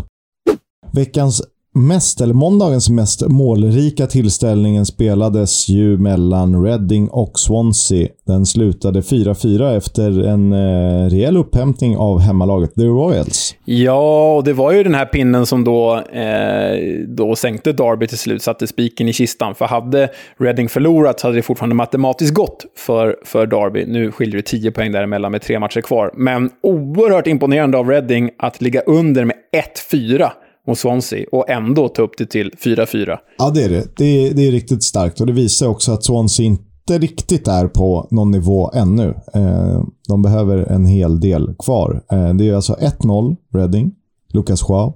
Sen blir det 1-1, 1-2, 1-3, 1-4 och 2-4, 3-4, 4-4. Eh, Hannes Wolfs 1-1 mål är, är, riktigt snyggt. En delikatess. Och 4-1 målet då från Obafemi, det är också det väldigt, väldigt vackert. Återigen så blir Tom McIntyre en poängräddare för Reading och de två målen har inneburit tre poäng som förmodligen innebär att Reading spelar Championship nästa säsong. Ja, nej, eh, det lär de ju faktiskt göra. Och eh, hur mycket vi intetsägande, hur mycket vi sagt att de är intetsägande, det stämmer ju faktiskt inte riktigt till slut, givet, givet den här säsongen och givet de spelare de har. Det är ju som sagt ett skraltigt FN-bygge med panikvärvningar. Så det är, ju, det är ju rätt roligt att följa det här Reading, även om jag hade föredragit Derby då förstås. Men om vi tittar till Swansea då. Tvåa i formtabellen Kisk, tre segrar och tre oavgjorda och obesegrade i sju raka totalt. Ehm, det är ju som vi säger, ge, ge Russell Martin tid, tro på det här och Swansea kan verkligen slåss om uppflyttning nästa år. Ja, men det tror jag, och med rätt investeringar. Eh, både Lucas Joao och Joel Pirou gjorde 2 plus 1 i den här matchen. Eh, Pirou har alltså 20 mål och 5 assist på 41 matcher. Riktigt bra. Joao har 10 mål och 3 assist på 21 matcher. Också det väldigt, väldigt bra. Så det är två intressanta anfallare att hålla ögonen på nästa säsong. Om de nu blir kvar, för det har ju snackats om att Pirou kanske kan vara lite för bra för Swansea. Bristol City mot Sheffield United. Det slutade 1-1 och Blades eh, lyckas fälla krokben på sig själva i, i kampen om att säkra en, en playoffplats. Ja, alltså det här måste de ju vinna ändå borta på Ashton Gate. Men istället var det ju Chris Martin, den gänglige target-anfallaren och den kanske minst begåvade anfallaren i Bristols väldigt vassa anfallstrio som eh, gjorde ledningsmålet, assisterad av Antoine Semenyo, vår kompis. Vi har många kompisar. Och eh, Dan Bentley, han var huvudperson här. Han var ute och flängde flera gånger. Du vet, det skulle vara glidtacklingar, Neuer-style på mittplan. Eh, han gjorde dock ett par stabila räddningar också. Och han fick ju den här Gretzky-assisten, som vi kallar den. Ni vet, assisten till assisten. Riktig hockeyass, såklart. När han hittade Semenyo med en lång macka. Men annars var det ju Sheffield United som dominerade statistiken och de fick ju jubla när Morgan Gibbs White kvitterade på ett väldigt akrobatiskt sätt. Ja, det heter ju scissor kick på engelska. Jag vet inte vad den eh, bästa översättningen är, om det ens finns någon. För någon cykel, är inte cykelspark, saxespark är inget vi, vi använder i svenska språket. Nej, men eh, Sheffield United kvar på den sista playoffplatsen har det i egna händer, förutsatt att Borough inte vinner sin hängmatch med fyra måls marginal. Så är det överlag en hel del svaga avslut från båda lag i bra lägen. Eh, och det eh, förstår man ju kanske i Bristol City, men eh, när det kommer till Sheffield United så begriper jag inte det. Eller så är det bara att Ollie McBurney är helt, helt iskall. Det är han ju. Måndagen avslutades med ett höjdarmöte som eh, kanske egentligen, det var ju omvända roller i höstas. Det borde väl varit en kamp om playoffplatserna, eh, men Forrest visade varför man är så bra. Med lite hjälp från, från domarna, får man ändå säga. Ja, för eh, det ska ju sägas då att eh, vid ställningen 0-0 i den 17 minuten så blir Darnell Furlong utvisad för West Bromwich. Och eh, då, eh, där och då dog ju den här matchen kan man ju säga, för Brennan Johnson satte ju efterföljande straff. Ja, eh, sen är det ju... Det första är en onödig tackling på Sinkernagel rätt hårt i början och ibland eh, mm, struntar domare i gula kortet, men det var väl inte så mycket att snacka om. Och eh, det andra är en solklar hans i straffområdet, så att egentligen är det inget snack. Och det här ledde till att Forrest kunde ha 70-30 i bollinnehav och 6-0 i skott på mål. Eh, totalt. Eh, sen borde dock 2-0 målet aldrig blivit av. Nej, alltså det här är ju eh, nackdelen med att inte ha VAR. Jag är ju en eh, stor VAR-skeptiker, så jag, är, jag ser ju hellre att det blir så här, blir fel ibland. Men du, som du säger, 2-0 borde ju kanske inte ha skett då West Brom skulle ha fått inkastet som föranledde den hörna som Yates senare nickade in för Forest. Det är många ifs and buts där. If ifs and buts were candy and nuts och allt det där som Homer Simpson sjunger. Men, men ehm, så är det. De, eh, jag förstår att man är irriterad i West Bromwich-lägret, för man kanske inte skulle ha haft ett rött kort, man kanske inte skulle ha fått det där mot sig och då hade det kanske inte ens stått 1-0. Kanske hade det till och med varit 0-0 en halvtimme in. Istället var det då 2-0 till Forest. Men 3-0 målet du? ja, det, det, det är ju så sjukt, för det är alltså Jack Colback, denna begränsade Ginger-spelare från Newcastle som har gjort sina år i Premier League och inte varit särskilt bra. Och även i Sandland har han ju varit. Han befinner sig ute på vänsterkanten, får en macka från, jag kommer inte ihåg vem, som han slår till direkt. Ett, eh, vad ska man säga, ett eh, volleyinlägg försöker han väl sig på. Men det blir ju ett helt magiskt avslut, för det går ju rätt in i mål. Ja, det skruvar sig eh, över David Button, som återigen spelade för West Brom. Och och landar i bortre. Det är ju otroligt vackert. Eh, sen får vi väl se. Och det, är det Sam Surridge, eller vem är det som håller händerna för huvudet i en sån här... Det är Sam Surridge, är det? det är Sam Surridge som I can't believe my eyes-gesten ja. liksom. Nej, den är ju den är nästan bättre än hela avslutet. Ja, exakt. Det gillar reaktionen. Att ingen förstår ju vad som har hänt och Jack Colback springer bara ut och håller för munnen. Eh, så han, han är nog inte riktigt... Det var nog inte riktigt medvetet och det verkar vi erkänna också, vilket är härligt. Och det som gör det här extra intressant och extra kryddat, det är ju att det är Jack Colback. Hade det varit Brennan Johnson hade man ändå tänkt så här, ja, men han är så bra. Jack Colback är ju inte så här bra. Han kan inte göra sådana mål. Nej, han ska inte det. Nej. Sam Surridge fick ju själv sen avsluta målskytt i 90 minuten när han satte 4-0 på ett snyggt sätt högt i nättaket. Och vägen till playoff är utstakad och visst har man en chans på direktplats, men då måste ju Bournemouth tappa poäng och Forest sen besegra just Cherries i maj. Och eh, så bra är de i Forest, men vi får väl se om de orkar. Ja, eh, ja, vi får se helt enkelt. Och sen gällande West Brom så såg jag en grej att eh, de låg ju alltså femma i tabellen när de sparkade Valerian Ismael och ersatte honom med Steve Bruce. De ligger inte femma längre, Kisk. Det gör de absolut inte. De ligger ju tolva och har sex poäng upp till Sheffield United med tre matcher kvar att spela. Eh, och Då ska alltså varken Sheffield United, Millwall, Blackburn, Middlesbrough, eller QPR eller Coventry ta några fler poäng heller, eh, som kan störa. Så det är ett fiasko och sämsta placeringen sen... ja, 2000 eller 2001. Katastrof helt enkelt. Exakt. Ja, ja verkligen. Och så stod det till slut klart. Vi har ju redan avhandlat det rätt mycket i början. Fulham besegrade Preston North End under tisdagen med 3-0 och det var talismanen Alexander Mitrovic som eh, gjorde både 1 och 3-0 och däremellan Fabio Carvalho, Liverpools nya guldklimp. Ja, och det kunde ha blivit eh, mer, för Mitro hade verkligen kunnat bli tre eller fyra målsskytt. Eh, men 40 mål på eh, 39 matcher. Jag hade för mig att det var 40, det står 39 här, men, men skitsamma. Det, oavsett är det ytterst imponerande. Och eh, för Fulham att säkra avancemanget på hemmaplan är ju eh, riktigt roligt också. Och jag såg ju den här matchen via eh, FFC TV och då är det ju så här partiska kommentatorer. Det är ju typ två supportrar som kommenterar matchen. Ehm, och det var rätt roligt för det blir ju planstormning då eh, på slutsignalen. Och det enda de här två kommentatorerna, det är så engelskt också, enda de här två fanskommentatorerna kunde ägna sig åt, istället för att liksom fira uppflyttningen och vara glada, så var de väldigt upprörda över att fans stormade planen. Oh, this is, this is not, not the way how we do it in England. Oh, this is not Fulham. This is not Fulham at all. We, we, we can't be, we can't do this. We can't celebrate on the pitch. No, I, I can't believe it. De bara satt och raljerade om det i typ fem minuter istället för att fira. Liksom. Vad fan, låt folk springa in och kör. Det är ju, eh, där har de en, en hel del att lära sig, tycker jag, engelsmännen. Hur en eh, ett firande egentligen funkar. Ja, men det, det, det, det, är 40 mål på eh, 40 eh, matcher, men han har väl spelat totalt 39-90 ja, minuter okay. om man räknar så. Men, men eh, jag tyckte det var roligt det här firandet också, för det jag tog med mig var att, eh, som det alltid blir med sånt här firande, så springer ju fansen in och ska ta selfies med massa spelare och sådär. Eh, vilka som stannade kvar och vilka som skyndade sig ut. Eh, Mitrovic var ganska snabb ut, han lät sig fotas lite och tog upp sin son på axlarna och sen gick han ut i spelartunneln. Men de som var kvar, det var ett jäkla härligt gäng. Eh, dels var det Marco Silva som blev upplyft av fansen och liksom bars omkring. Eh, tyckte jag var lite otippat att han körde. Eh, Sen var det Neskens Kebano. Förstås denna underbara, härliga kongoles som är, verkar lika härlig utanför planen som han är på planen.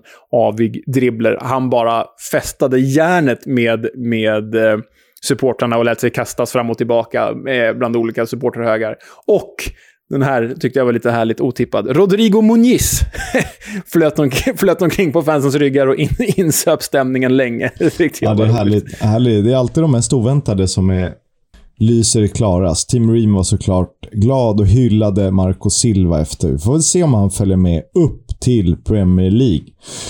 Nu har vi pratat väldigt länge. Det var de 24 matcher som spelats sen vi senast spelade in podden och vi fortsätter med lite nyheter. Adebayo Akinfenwa, som ju är på väg att lägga skorna på hyllan i sommar, han sköt upp Wimbledon till League One för sex år sedan. Efter det fick han lämna klubben. Nu är The Dons på väg ner i League 2. Och vem tror du gjorde det förmodligen bekräftande målet? Ja, I och med att du ställer frågan så var det ju inte Tore Andreflo, utan det var Adebayo Akinfenwa.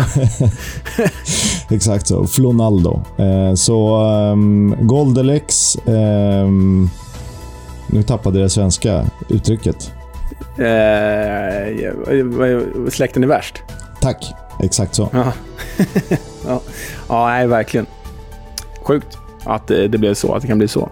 Vidare i nyhetsvärlden, eh, så i någon League eh, lockade både Wrexham och Stockport över 10 000 åskådare i helgen. Det är alltså motsvarande den engelska femte divisionen. Det är ju otroliga siffror. Vi säger wow. Borough-bossen Chris Wilder sägs vara aktuell för uppdraget som huvudtränare för Burnley efter att de sparkat Sean Dyche. Eh, kan man ju tycka vad man vill om och det kan ju Chris Wilder också, för vi ska höra mer om just den reaktionen lite senare. Och just Sean Dyche uppges i sin tur vara ett namn för West Bromwich. Eh, ja, men det är ett rätt val eller inte, kan man ju fråga sig. Det får vi klura ut lite senare. John Swift kan ha gjort sin sista match för Reading. Han har missat de två senaste matcherna på grund av skada och 26-åringen tros inte förlänga kontraktet med Royal som löper ut i sommar. Han har gjort nästan 200 matcher för klubben.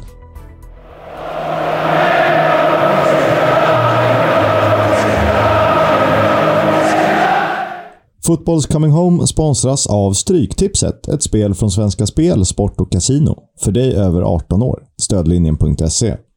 Ja, tittar till kupongen och landar i match 5 ändå. Det är enkelt val, men det är Bournemouth, Fulham. Det är Championships två bästa lag den här säsongen och det är ligans bästa försvar mot ligans vassaste offensiv.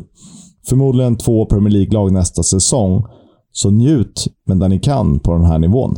Vad har du i kikan, Leo? Nej, men eh, självklart är det ju det ändå förstås. Fulham kan ju faktiskt bli mästare om de vinner eh, nere på den engelska sydkusten. Men annars så lyfter jag gärna ut fredagsmatchen Huddersfield-Barnsley. Barnsley kan ju fortfarande klara det här. Och eh, Huddersfield kan väl i princip säkra en plats i, i playoffet. De behöver bara en pinne för att göra det, tror jag. Eh, Därtill så lyfter jag gärna fram lördagsmatchen 16.00. Peterborough, Nottingham Forest. Botten mot toppen. De älskar ju jag ju väldigt mycket när det står saker på spel och Peterborough är ju bra nu, liksom Forest. Exakt.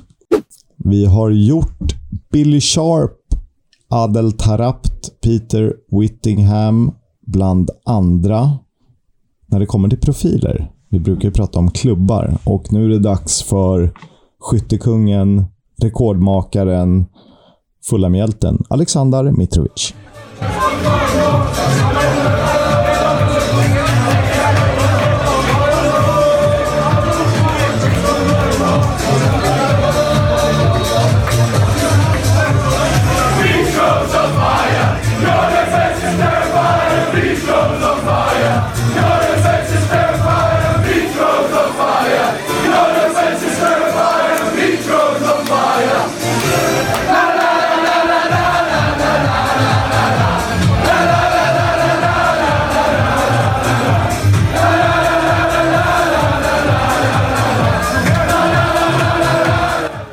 Mitros on Fire. Inte så originellt kanske, då Will Griggs-ramsan väl ändå får tillskrivas som originalet.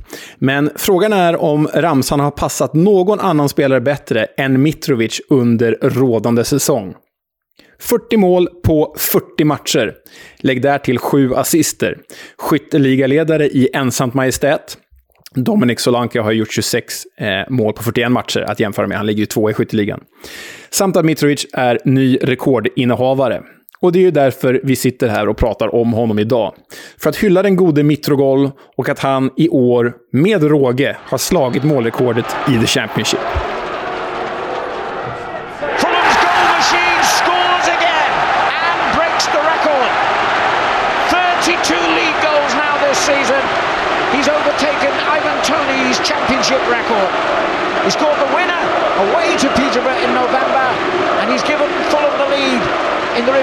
Fixture tonight. Hey, Mitro, Alexander Mitrovic, the record breaker. How does that feel?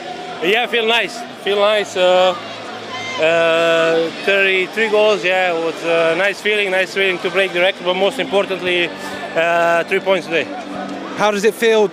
Getting it from the penalty spot can't have been a sweep, but you made up for it with a strike later on, didn't you? Uh, yeah, I don't care. Goal is goal. So uh, penalty uh, is not easy sometimes to take the penalty as well. So uh, yeah, I stay calm. Uh, I think the penalty was, good, and yeah, I think today, today overall was uh, was a good performance. Uh, deserve win. We should score a couple more. Me as well should should be a hat trick today, but uh, yeah, when you don't uh, score goals on time, uh, some things like like today happen. You get some some goals, and yeah, I think we managed to get three points, and yeah, we move on. You've had some amazing milestones in your career, but does this feel like the biggest one that you've ever had to break this record and to be standing here now with that? Yeah, being I had quite a few records. Yeah, but this feels nice, you know. I break the record in Serbian national team as well today uh, here. So yeah, uh, I feel good uh, on the pitch. I feel great. Uh, I feel good in this team, and yeah, uh, as I say, the most important thing today was points, football, yeah. Det var alltså den 24 februari i år, i den överraskande täta hemmamatchen mot Peterborough, som Alexander Mitrovic klev fram till straffpunkten för att dundra in sitt 32 ligamål för säsongen och därmed också slå Ivan Tonys målrekord från förra året. Att Mitrovic av bara farten gjorde till mål i matchen och avgjorde densamma var verkligen spot on för serbens säsong. Mitros on fire. Något som inte bara sköt Fulham rakt upp i Premier League i år, utan också kontrasterade mot det tuffa fjolår han hade i högsta serien säsongen 2021. Seconds of stoppage time remaining. Fulham heading down, trailing 2 0 to Burnley. Leroy, has there been any sign of fight the last few minutes? Well, just the last couple of minutes, Loftus Cheek has got in on the corner of the six yard box. You think, okay, just shoot.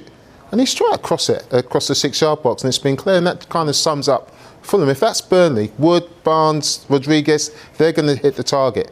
And Burnley are an effective team. It doesn't matter whether you like their style or, or it's not pleasing on the eye, what they do is effective. What Fulham do just hasn't been effective tonight, hasn't been effective all season. It's all over uh, and Fulham are down. Okay, Fulham relegated for the second time in two years. Och som bekant åkte ju Fulham ur Premier League förra året och Mitrovic fick se det mesta från sidan. I alla fall under vårhalvan. Vilket innebar att Mitro bara gjorde tre mål på hela Premier League-säsongen och det i sin tur betydde att expertisen undrade vad som i helskotta pågick på Craven Cottage. they lost six out of the last seven games, and it's mm. all to do with what happened in the final third. I just felt, you know, sometimes when Mitrovic was sat on the bench, you'll understand in terms of the team play, as I said right at the start, with some pace up front, but you know, he didn't bring him on at times. He needs to. He didn't. He just left him on the bench, and he's a goal scorer, and he's the only goal scorer in that team. At certain times, I just thought he could utilize him better. So. Men där viss expertis ifrågasatte Scott Parkers val så frågade sig andra om Alexander Mitrovic verkligen var en man för Premier League överhuvudtaget. Detta efter att ha gjort 11 mål som bäst under de fyra Premier League-säsonger han dittills hade spelat. Men vi tar väl det här från början. Vem är egentligen denna serbiska målmaskin? Aleksandar Mitrovic föddes den 16 september 1994 i serbiska Smederevo. Med reservation för det uttalet kan jag meddela. Men faktum är att han inte blev hemmastad där särskilt länge. För redan 2005, blott 11 år gammal, inhuserades Mitrovic i Partizans ungdomsorganisation. Ni vet, Partizan är ju en av Serbiens två stora klubbar. Den svartvita halvan av det eviga derbyt. Röda stjärnan är ju den andra halvan. Och Mitrovic trivdes i Partizan.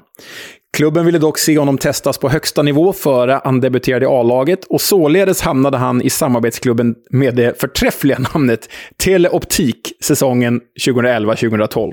Telia idrottsförening. Precis. Där gjorde han sju mål medan laget hamnade i mitten av tabellen. Och eh, det är ju good enough för Partizan som plockade hem sitt framtidsprospekt. Det blev dock bara en A-lagssäsong i moderskeppet Partizan för den 17-årige Mitrovic. Inte för att det gick särskilt dåligt. Tvärtom. Det gick för bra. Nio minuter in i sin debut i Champions League-kvalet mot Valletta nätade den 17-årige Mitrovic. Och så fortsatte det. 13 mål på 28 matcher totalt för tonåringen som sköt Partizan till ligatiteln, sig själv till årets lag och ett utlandskontrakt i Belgien. Han flyttade nämligen till Anderlecht. Men först skulle Mitrovic faktiskt hinna med att vinna U19-EM sommaren 2013. Serbien finalslog Frankrike något överraskande. A great pass over the top by Marko Pavlovski to Alexander Mitrovic, who shows great poise and composure. He leaves it for Andrija Lukovic, and Lukovic scores his first goal of the tournament and his first goal even in qualifying. His first goal for Serbia in this whole qualification final process, whatever you want to call it. And it's a massive goal. And it is 1-0 for Serbia. What a great pass and great footwork by Alexander. Mitrovic spelade fram till finalens enda mål och utsågs till turneringens bästa spelare.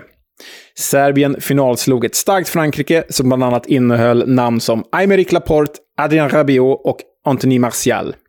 I augusti 2013 genomfördes flytten till Anderlecht.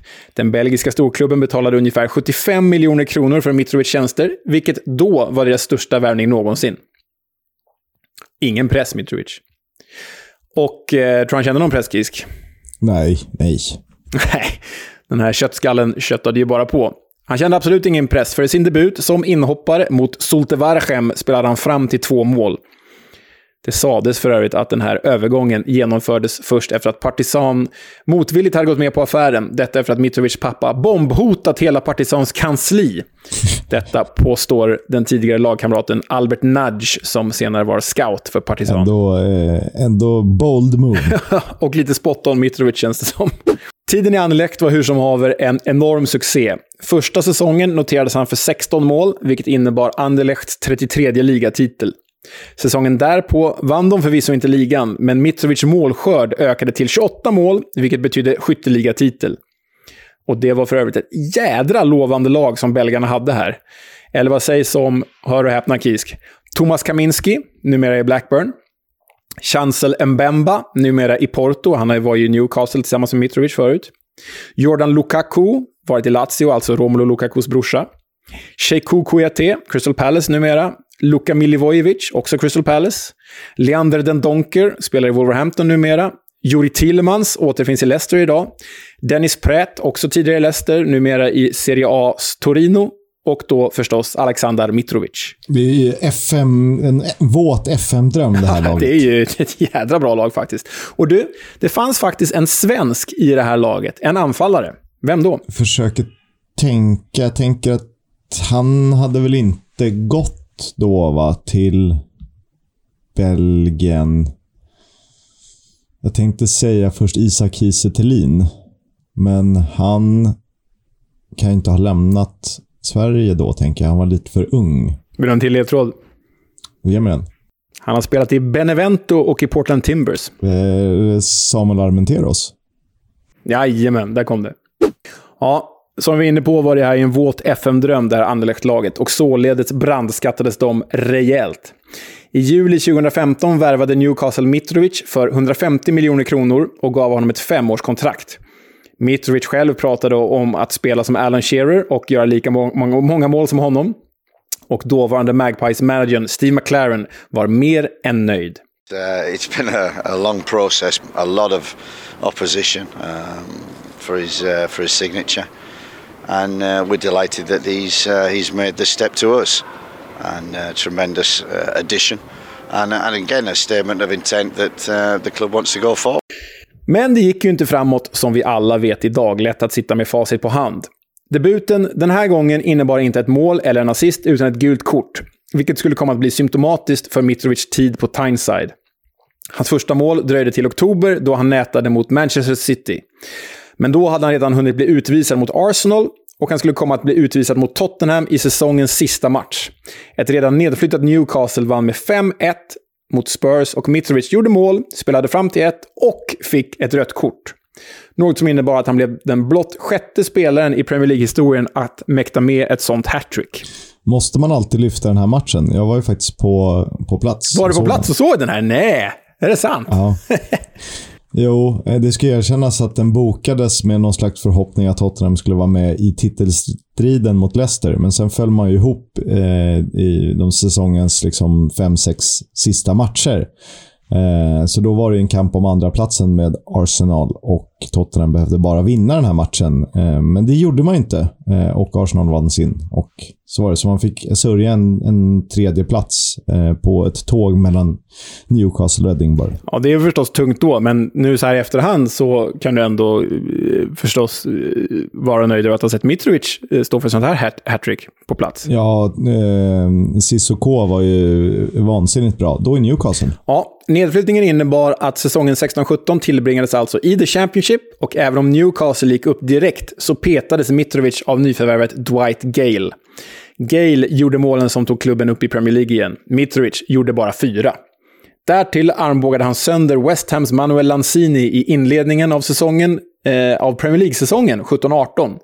Rött kort och tre matchers avstängning. Och därmed var förtroendet förbrukat.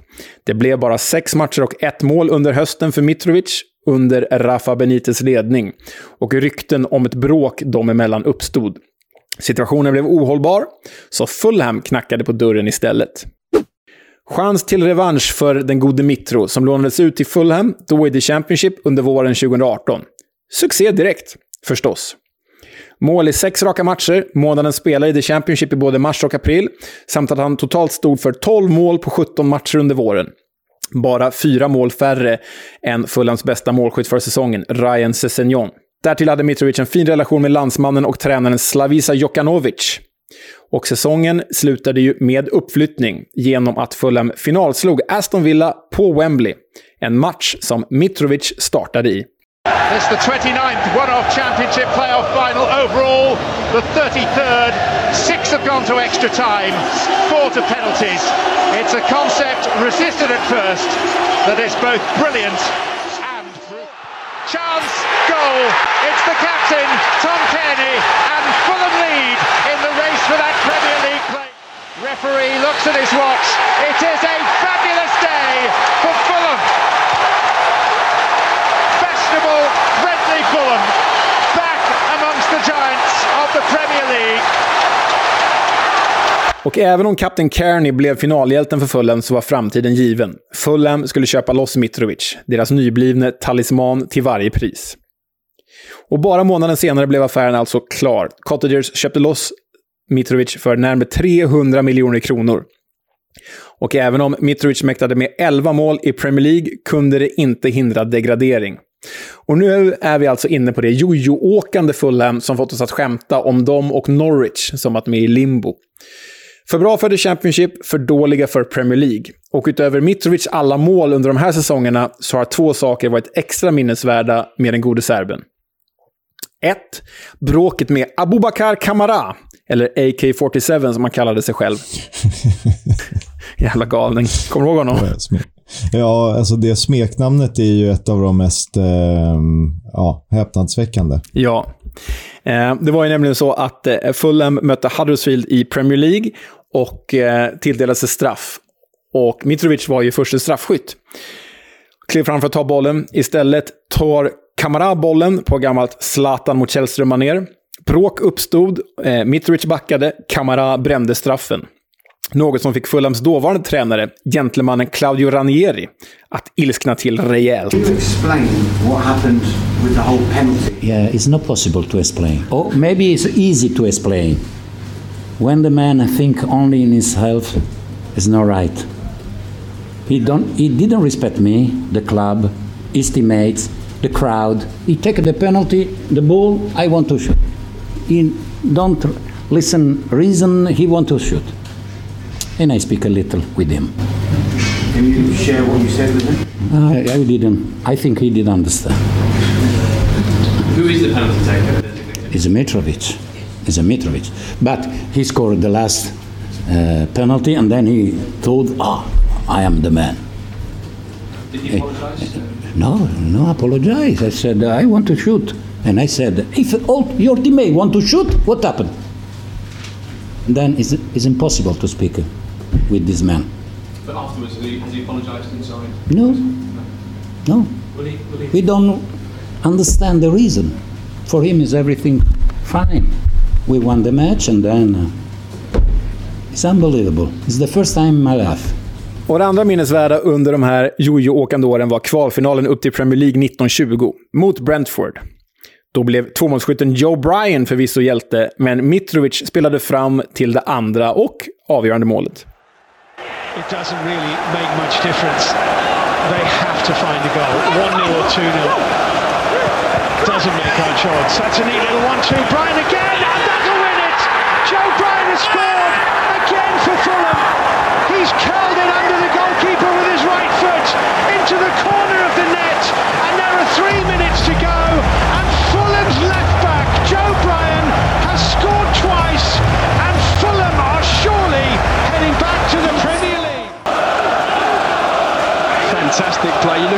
it's even nice when you see it a second time. But well played Mitrovic, 1-2, slots it home. And Scott Parker will be over the moon. Men hur mycket upp och hur mycket ner det än har gått för Mitrovic i klubblaget har han alltid varit oumbärlig för det serbiska landslaget. 71 landskamper, 44 mål och därmed också Serbiens mesta målskytt genom tiderna. Därtill fick han ju sin landslagskröning när han sänkte Portugal i VM-kvalet senast, på bortaplan, och därmed sköt Serbien till VM. The full-time whistle has gone, and Serbia have achieved an extraordinary feat. And look what it means to them.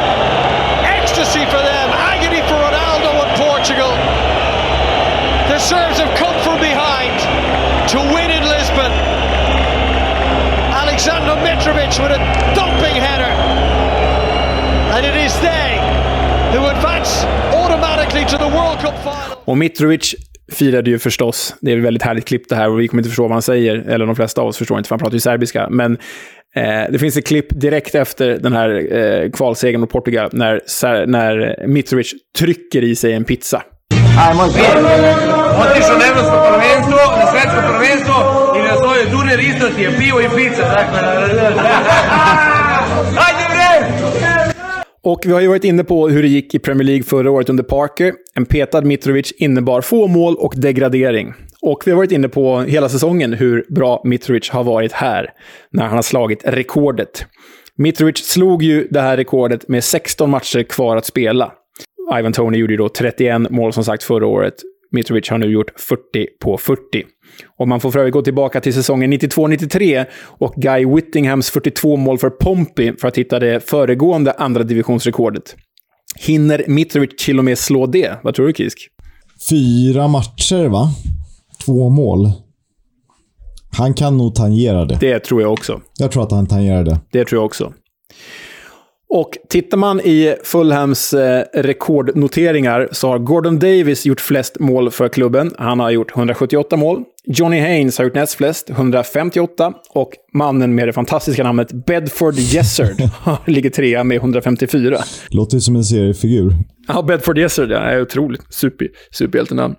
Mitrovic är ju inte där än. Han har inom citationstecken bara gjort 86. Men om man jämför honom med eh, modern, andra modern tids anfallare i Fulham så står han sig väldigt bra.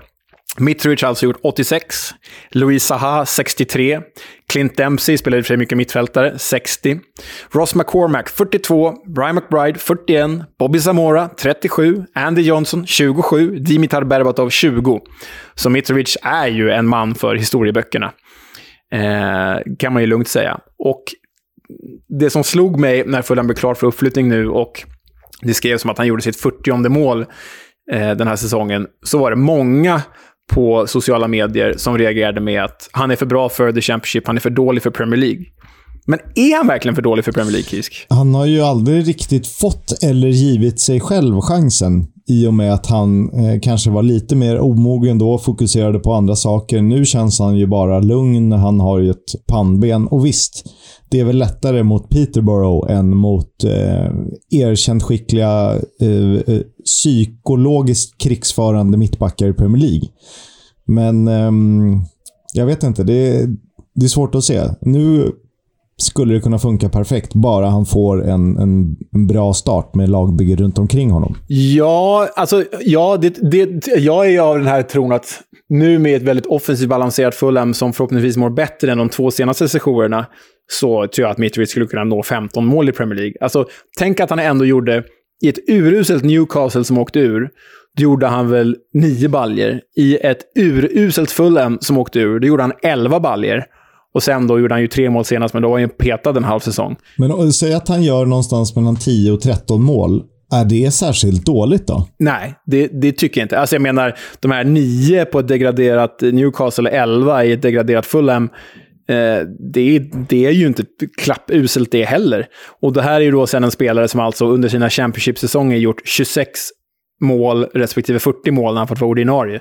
Eh, Jag tror att med rätt omgivning i Fulham, med ett Fulham som mår bra, då, då kan det absolut bli upp mot 13-15 mål. Och han och Harry Wilson funkar ju ihop. Och visst, det, det ska ju ersättas lite och sådär. Eh, men på tal om det. Eh, tack för Mitro. Ska vi göra så att vi raskt smyger över till en kort genomgång av Fulhams säsong och truppen inför Premier League. Ja, men kul att blicka framåt. Det kan man väl göra, absolut. Och Jag tänker att du får bli lite ciceron för det här eftersom det ändå är ditt Fulham som du ska prata om. Ja, men vi var ju inne i början eh, på avsnittet av vilken säsong Fulham har haft och så. Gjort flest mål i hela IFL och det är ju ruskigt imponerande. Eh, kan väl inte nå 100 poängstrecket, men, men de har ju alltså större målskillnad än vad näst mest målglada lag har gjort mål, vilket är ju helt, helt sinnessjukt. Eh, Helt sinnessjukt. Ja. Sen ska det ju sägas då att Fulham har ju ekonomiska muskler, muskler som innebär att de har alltså betalat agenter mer pengar den här säsongen än vad resten av klubbarna har köpt spelare för tillsammans. Bara det är ju också sinnessjukt. Så det är ju ett synnerligen ekonomiskt, inte dopat, för det är det ju inte, men, men eh, enorm ekonomisk fördel jämfört med alla andra har det ju varit den här säsongen. Då kan, då kan vi kanske vara så här överlägsen också. Men om vi tittar på eh, truppen och snittstartelvan så har ju Marek Rodak varit första keeper. Eh, min känsla där är att Fulham behöver värva en ny målvakt. Men att eh, antingen Marek Rodak eller Paolo Gazzaniga ändå funkar som bra tvåa i Premier League. Absolut. Och Marek Rodak var ju tvåa senast när Alfonso Areola var inlånad. Vi får se nu vem det skulle kunna bli. Kanske en nedflyttad Nick Pope. Eh, vi får se. Högerback Nico Williams har ju... Eh, alltså hade han spelat en hel säsong i Championship hade jag tryckt in honom i årets lag. Nu är, har han inte spelat en hel säsong, men han har ju varit så fruktansvärt bra. Och det ryktas att Fulham vill köpa loss honom och det sägs att Nico Williams själv vill stanna. Så det vore ju förträffligt om man kan göra Det är det. svårt att peta Trent Alexander-Arnold. Exakt. Mittbacksparet Tim Ream och Tosin Adarabioyo. Eh, ikonen, hjälten, legendaren Tim Ream, jänkaren. Han är ju fantastisk, men han sitter på ett utgående kontrakt och han håller inte i Premier League. Det har han ju tyvärr bevisat flera gånger om, både i Bolton och i Fulham. Men för min del får han gärna stanna, men som en ledare, kanske inte som en startspelare. Det här är ju, Tim Ream känns ju som en av fyra mittbackar. Kanske trean då. Eh, som gör eh, tre, fyra starter, men som hoppar in när det behövs. Som antingen tajtar till med en fembackslinje eller i, i händelse av skada och så. Och Tosin, jag vet inte. Nej, jag känner också det. Jag vet inte. Tossin kan säkert bli jättebra. Det finns säkert en anledning till att han kom från Manchester Citys ungdomsled, men ehm, han är ju klart bättre Det än... finns också en anledning till att han inte längre tillhör Exakt. Manchester City, om man ska vara lite Exakt. elak. Ja, men han känns klart bättre än Tim Ream, men han behöver nog någon bättre bredvid sig, i känslan. Vänsterbacken är ju välbeställd med Anthony Robinson, den amerikanska landslagsmannen, och eh, Joe Bryan. Det känns satt och klart och givet, tycker jag. Det är ändå helt okej och en spelare som kanske kan växa in i uppgiften. Sittande mittfältet har ju främst bestått av Harrison Reed och Sean Michel Seri. Eh, Harrison Reed kommer ju fortsätta vara ordinarie. Det gick ju inte bra för honom i Premier League senast. Jag har vissa frågetecken. Är han för begränsad? Å andra sidan har han varit otroligt bra den här säsongen. Seri sitter på utgående kontrakt och är ganska ojämn. Alternativ här är väl Tom Kearney och Nathaniel Chaloba. Och det känns också numret för litet. Reed, Seri, tycker jag ändå OK. Eh, som sagt, Reed har gjort en jättefin säsong. Och Seri har ju ändå någon slags höjd i sig. Mm, men det känns som att här behöver komma in folk. Sen har vi då den offensiva trion. Harry Wilson, Fabio Carvalho och Neskens Kebano. Harry Wilson håller för Premier League, det vet vi. Neskens Kebano har ju tidigare inte gjort det. Dock har han kanske haft sin bästa säsong i karriären bakom sig, så jag ser gärna att han stannar som en första inhoppare om inte annat. Men han sitter på utgående kontrakt. Det gör ju Fabio Carvalho också, som har skrivit på för Liverpool. Så här kan vi ska in två nya gubbar då. Ja, Wilson är ju supergiven och har gjort en jättefin säsong. Eh, och ska ju absolut hålla för Premier League. Eh, Manor Solomon ersätter väl Carvalho om allt eh, blir klart. Ja, från Shakhtar Donetsk. Sen finns det ju alternativ här som Bobby de Cordova Reed till exempel, men han håller ju inte heller för Premier League skulle jag säga, liksom Ivan Cavallero. Där vill man, eh, man vill nog ha in något alternativ med eh, kanske lite erfarenhet. Eh, jag vet inte riktigt vilka namn som finns där ute. Kanske en comeback för Ryan Sessegnon. Ah, den vore ju faktiskt trevlig. Den skulle jag helt klart vara öppen för. Helt klart. Och på topp då, Rodrigo Moniz startar. ja, precis. Nej, det blir förstås Mitrovic. Eh, han vill stanna. Eh, klubben vill kasta pengar på honom. Klubben älskar honom. Fansen älskar honom. Rodrigo Moniz som andra alternativ. Ja, jag vet inte tusan, det kanske kommer in en tredje gubbe där. Men det känns ju faktiskt rätt bra så länge Mitrovic är hel. Helt klart. Men, men det måste ju in, ja, vad är vi, vad är vi på? Vi är väl på åtminstone ja, fyra nya startspelare är vi inne på. Plus att truppen då breddas. Det blir en bättre bänk. Inte liksom Josh Ornoma-figurer längre. Ah, han är fin ändå. Ja, okej, okay, förlåt. Inte Michael Hector-figurer längre. Okej, okay, jag är med det. Men det är ju det är tufft också när man liksom måste ersätta halva laget. Eh, och dessutom Exakt. ersätta någon som drar. Ja, vi får se. Det blir spännande. Så här får vi väl göra med de andra två som blir uppflyttade också. Det ska vi definitivt göra. Eh, nu är det inga veckomgångar kvar, så nu kan vi lägga mycket fokus på annat än att berätta vem som gjorde mål för Bristol City borta mot Blackpool och så vidare och så vidare. We'll have a chat about the fucking game. About your game, last few months, last few weeks. Fucking character. Vi nämnde ju att eh, Sean Dutch har eh, fått gå från Burnley efter typ 10 år och en potentiell ersättare kan vara Chris Wilder som eh, just nu tränar Middlesbrough. Han är dock inte helt säker på eh, att det är rätt. Eller så här, han är väldigt förtegen. Han säger inte så mycket, men säger ändå väldigt mycket. Och det här är ju väldigt Neil Warnockskt. We have an obligation to finish the season uh, as strongly as possible, and that's what we need to do. And finally, I need to ask you. No, you don't need to ask me. You don't need to ask me. I was going to. I was going to You ask don't you need to ask Burnley. me, though, do you?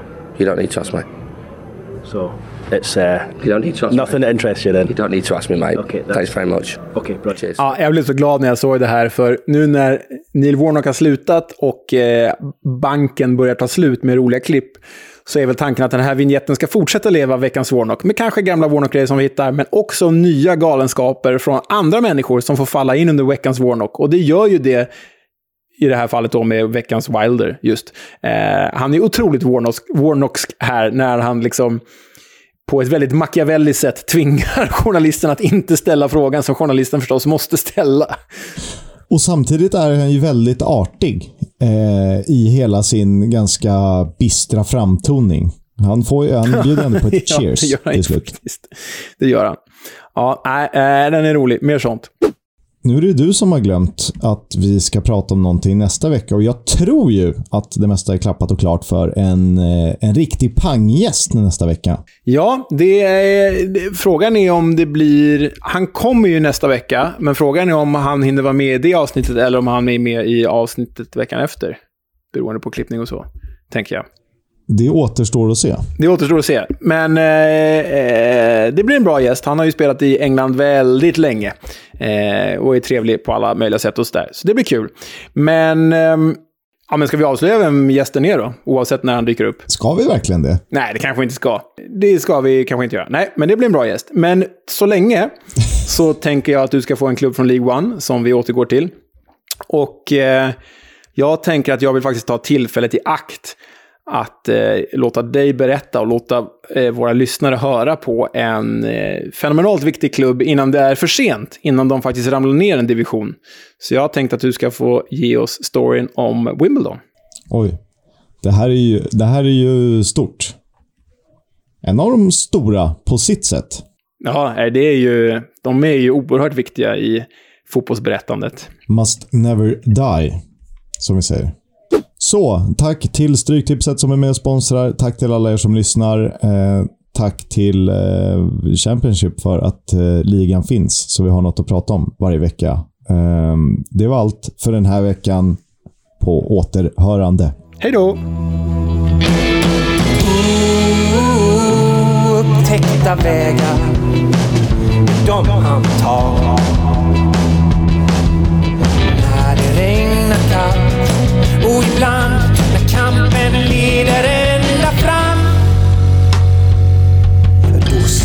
Vi på lördag igen.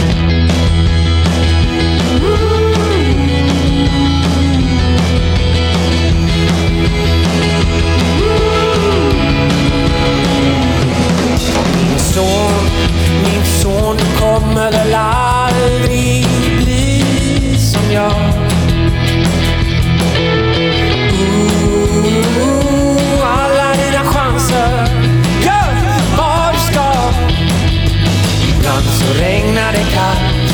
Men till slut är det kanske